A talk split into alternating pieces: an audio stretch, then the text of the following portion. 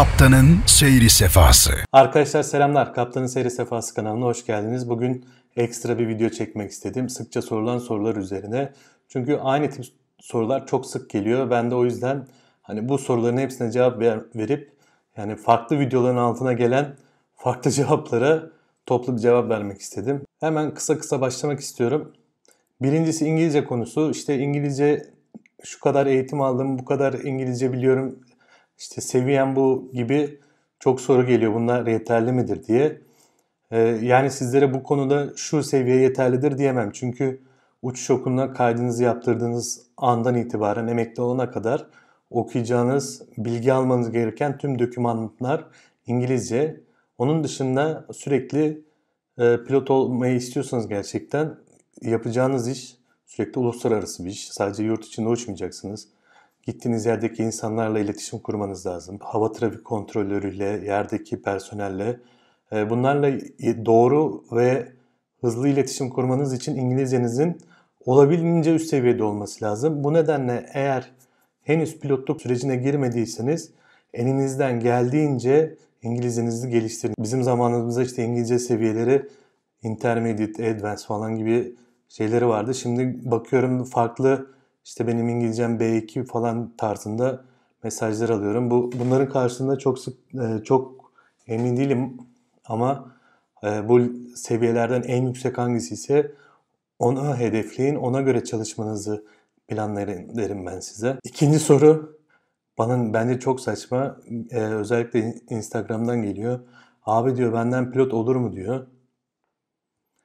Yani hani bizim zamanımızda bilgi alabilecekleri çok e, materyal yoktu ya da böyle birileri bir yerlerde video yayınlamıyordu. O yüzden hani insanlara çok da e, terslemek, dalga geçmek de istemiyorum ama hani tanımadığım birinden benden pilot olur mu sorusuna cevap vermek yani bana çok mantıklı ya da çok böyle sağlıklı bir cevap olmayacakmış gibi geliyor.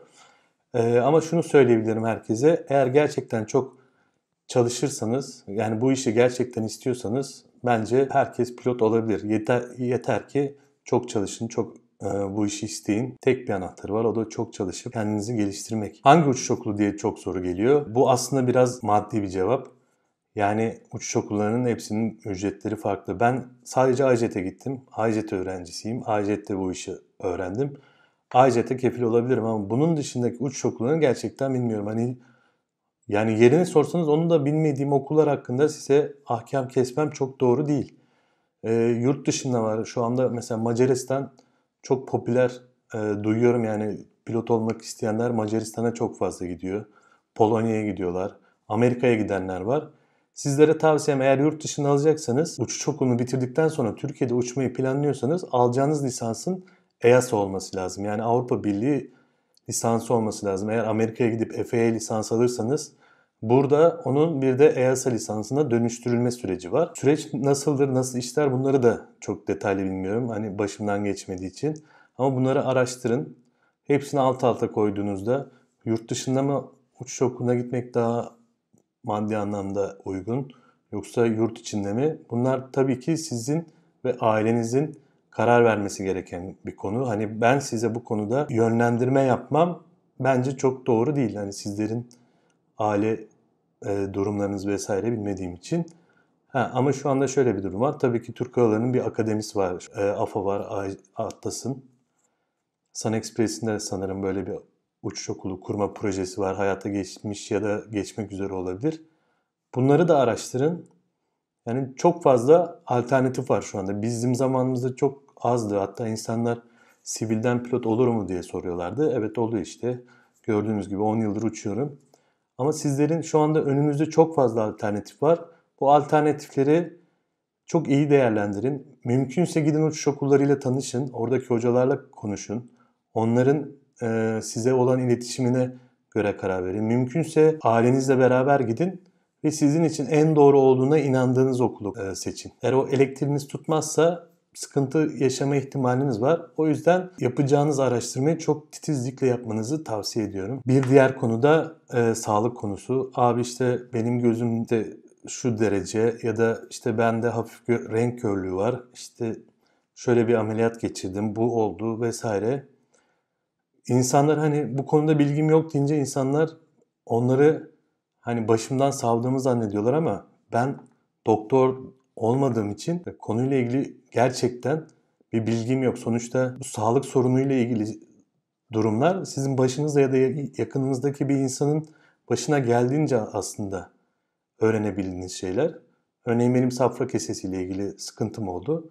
Şu anda 4 Ocağı kadar yaklaşık 45 gün kadar uçuşum kesik en az. Ama ben bunu hani bu durumu yaşamadan bir hafta önce bu konuyla ilgili hiçbir şey bilmiyordum. Ama başıma geldikten sonra araştırmaya başladım.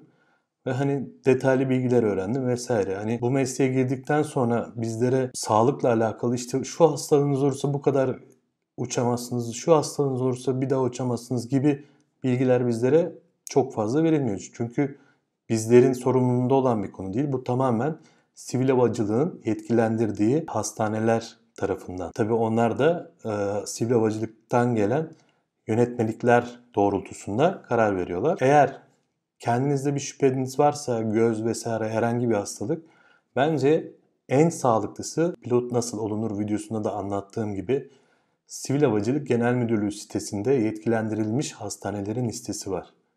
Açın o listeyi. Eğer e, çevrenizde varsa gidin o hastaneye. Eğer yaşadığınız şehirde yoksa telefon edin ya da mümkünse gidin. Yüz yüze konuşun ve net bilgi alın. Hani benim sizi doğru ya da yanlış yönlendirmemle hayatınıza e, bir yön çizmeyin derim ben. Bir konu daha var. Pilotların aile yaşantısı nasıl, evden çok uzak kalıyor musunuz gibi sorular geliyor.